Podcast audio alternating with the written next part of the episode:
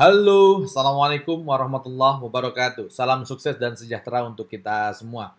Rekan-rekan sekalian, ketemu lagi dengan saya, Samsul Hatta, dalam program podcast Audio Learning. Di mana, seperti biasa, di program podcast Audio Learning ini, kita akan mengangkat satu topik yang menurut saya, kembali lagi ini menurut saya loh ya, cukup menarik untuk kita bahas. Apa topik yang akan dibahas hari ini? Oke, yang akan saya bahas hari ini adalah tentang new normal. Nah, ini menarik karena uh, di saat ini kita sama-sama tahu bahwa dunia sedang diserang oleh uh, pandemi ya atau menjadi pandemik adalah wabah COVID-19 atau coronavirus yang ada di tahun 2019 munculnya.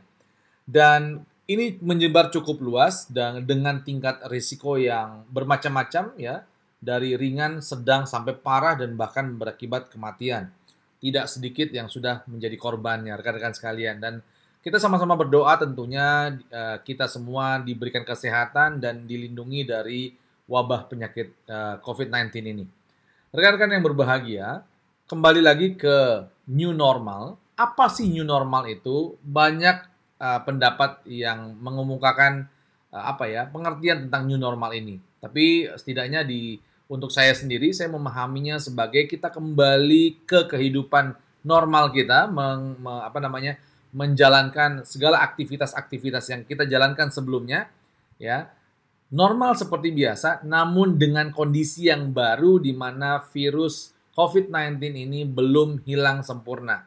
Ya bahkan kalau kita berbicara di Indonesia saat podcast ini saya buat eh, angkanya masih tinggi dan masih terus menanjak Rekan-rekan yang berbahagia, tentunya kita tidak bisa terus berdiam gitu ya. Tentunya kita tidak bisa kemudian terus eh, mengurung diri di rumah tanpa menjalankan aktivitas-aktivitas yang bisa jadi uh, ini akan sangat terkait erat dengan perekonomian, baik perekonomian pribadi, keluarga, gitu ya, atau perekonomian masyarakat sekitar dan bahkan sampai dengan perekonomian negara.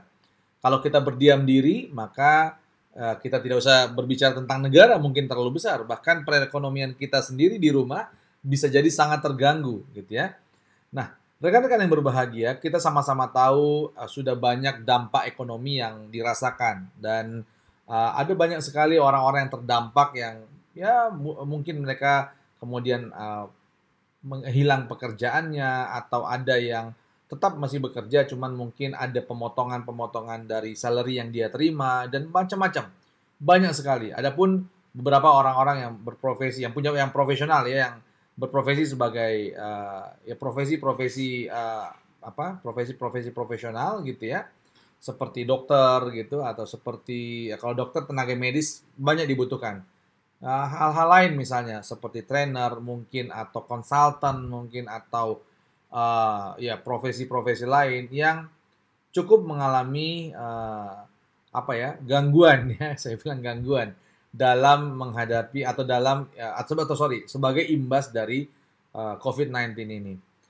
Uh, tentunya imbas ekonominya cukup kuat. Nah rekan-rekan sekalian itulah kemudian mungkin tidak bisa ditahan lagi atau tidak bisa kita tunda lagi. Kita perlu kembali ke kehidupan normal kita kembali ke kehidupan, ke pekerjaan, ke aktivitas-aktivitas kita untuk membangkitkan lagi perekonomian dan menghidupkan lagi sendi-sendi atau sisi-sisi lain dari kehidupan kita. Rekan-rekan berbahagia, menariknya adalah kita kembali ke kehidupan normal dengan virus yang masih merajalela, gitu ya, yang virus yang masih mewabah dan belum berhenti, belum berhenti. Bahkan kurvanya untuk Indonesia saat ini uh, belum turun secara keseluruhan.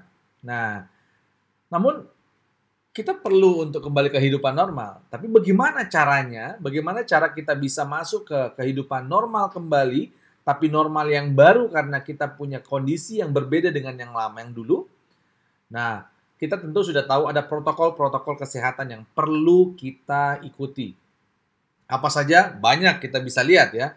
Yang pertama bisa jadi ya, mungkin teman-teman sudah tahu ya yang pertama, menggunakan masker saat kita beraktivitas. Kemudian rajin mencuci tangan gitu ya karena penularannya ini melalui droplet yang bisa jadi tersentuh oleh tangan kita dan tangan kita menyentuh bagian-bagian yang mudah untuk masuk ke tubuh kita. Begitu juga masker untuk mencegah hal tersebut.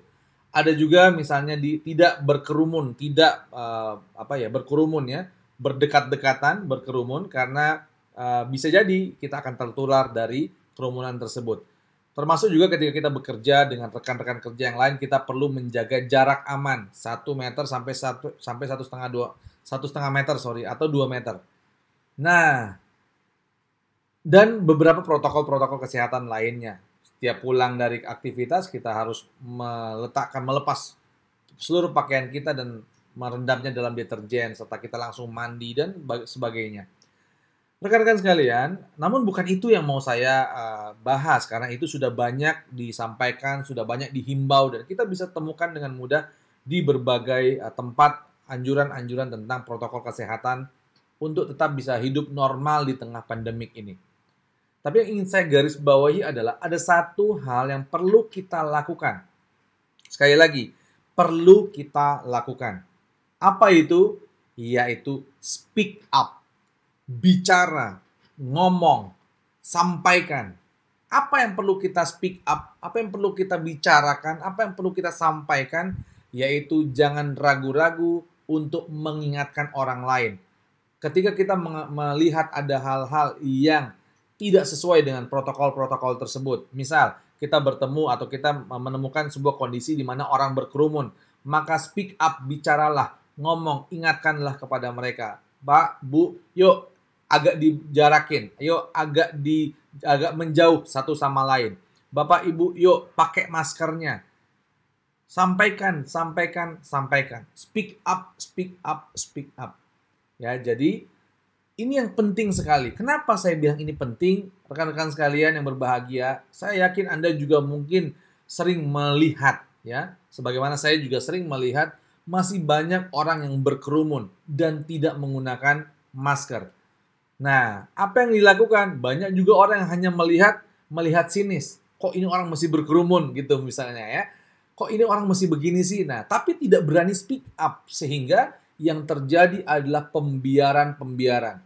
Saat pembiaran-pembiaran terjadi, maka orang lain menganggap bahwa hal ini normal-normal saja, hal ini baik-baik saja. Maka apa yang terjadi? Saat kita menahan untuk berbicara, saat kita menahan untuk memberitahu, saat kita menahan diri kita untuk menyampaikan apa yang perlu kita sampaikan, saat itulah orang-orang lain yang uh, masih melanggar protokol-protokol kesehatan mereka tidak merasa melakukan sebuah kesalahan sehingga itu akan diulang lagi, diulang lagi, diulang lagi. Apa akibatnya?